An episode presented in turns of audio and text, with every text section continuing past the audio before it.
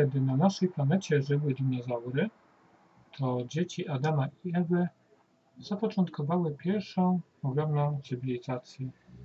Dzięki aniołom stworzyły technologię pozwalającą na podróże do innych galaktyk, chociaż głównie kierowano się w kierunku Andromedy, gdzie także istniało życie. Były to jednak tylko proste organizmy. Pewnego dnia jeden z naukowców dostrzegł, że w kierunku Ziemi leci ogromna asteroida. Od razu ostrzegł pozostałych. Szybko zdecydowano, że trzeba uciekać na inne planety. Wszyscy ludzie odlecieli, a wtedy asteroida spadła do oceanu i spowodowała wielką katastrofę. Nie tylko dinozaury przez to wyginęły. Razem z asteroidą do wody wpadły znajdujące się na niej jaja latających węży. Po kilku tygodniach wykluły się z nich czarne smoki, które potrafiły pływać i latać. Zjadały wszystko, co było w pobliżu. Każda samica mogła złożyć tylko jedno jajo, więc stado się nie powiększało mimo upływu czasu. Czarne smoki umiały zmieniać swój wygląd, dlatego ludzie opisywali je często jako inne stworzenia. Na przykład błędni myśleli, że to bazyliszki. W starożytnych Chinach mieszkańcy uznali je za swoich cesarzy. Jeden z czarnych smoków był irańskim królem, a inny z kolei zawędrował aż do Krakowa, gdzie zmienił się w archozaura, a został nazwany smokiem wawelskim. Jeszcze inny został ojcem Aleksandra Wielkiego, potężnego władcy Macedonii, a pewna sprytna smoczyca dała się poznać jako Meluzynę. Król Artur był jednak najbardziej znanym czarnym smokiem, który przybrał ludzką postać. Tak właśnie powstała legenda o rycerzach Okrągłego Stołu. Dopiero wiele lat później czarnoksiężnik dzięki potężnym zaklęciom zwabił czarne smoki do swojej mrocznej twierdzy. Mom trzymał je w pobliskim lesie, żeby go broniły przed wrogami. Hoduję ja was tutaj jak owieczki, moje smoki, mawiał do nich. Gdzie są przeciwnicy, z którymi mieliśmy walczyć? pytały czarne smoki. Na wszystko przyjdzie czas. Powiedz imię swojego wroga, a znajdziemy go nawet na końcu świata. Odpowiemy tak jak zawsze. Cierpliwości. Mijały lata, a wrogów nie było widać w pobliżu mrocznej twierdzy. To jednak niebawem miało się zmienić. Wróż, oczka z mróż, wiedział, że magiczne kulki mocy mają bardzo dużo różnych zastosowań. Potrzebował wyzwolić w nich specjalne moce, które mógł obudzić jedynie za pomocą odpowiednich dźwięków. Na szczęście miał zapis notowy i poprosił miejscowego grajka o zagranie kilku melodii. Rymżynier zagrał bardzo chętnie. Tymczasem aniołek Fikołek wymyślał nowe rymowanki dla psinki Tinki. Wszystkie aniołki zawsze lubiły fikołki.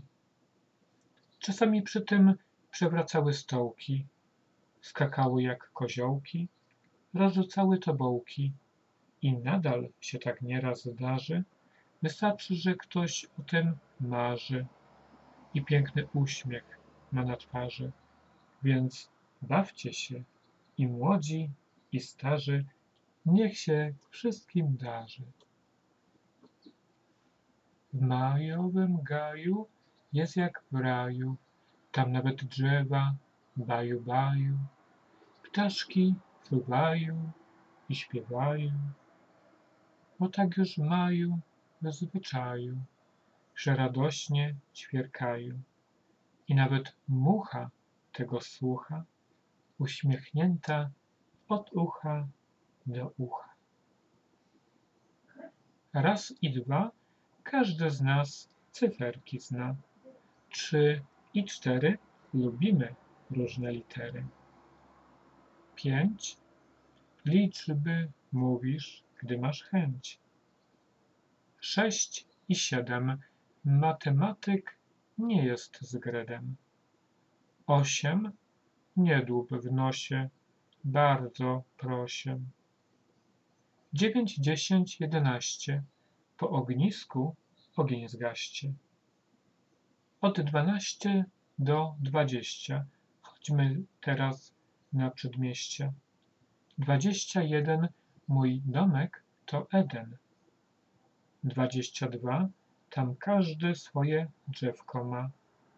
Dwadzieścia trzy mamy tam kotki, mamy też psy. Dwadzieścia cztery każdy ma tam dobre maniery. Dwadzieścia pięć czasami wrócić tam mam chęć. Dwadzieścia sześć owoce smaczne lubimy jeść. Dwadzieścia siedem często zasypiam pod grubym pledem. Dwadzieścia osiem kto dzisiaj widział się z łosiem? Dwadzieścia dziewięć potem trzydzieści i wiele rymów jeszcze się zmieści. Teraz trzydziestka oraz jedynka. Nasyp korzeni, proszę, do młynka. Znowu trzydziestka, a potem dwójka. Zmielimy pieprzu trochę dla wujka. Jeszcze trzydziestka, do tego trzy. Ja oraz ty. To razem my. I nagle szybko wskoczyła seta. Czyżby w liczeniu to była meta?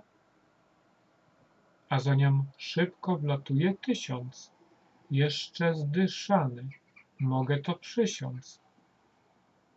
A potem miliard, tuż za milionem, aż kot wazonik strąca ogonem. Później jedynka i za nią zera. Kot ze zdumienia oczy przeciera, aż wlazł na płotek nasz mały kotek i mruga, bo kolejka zer jest bardzo długa.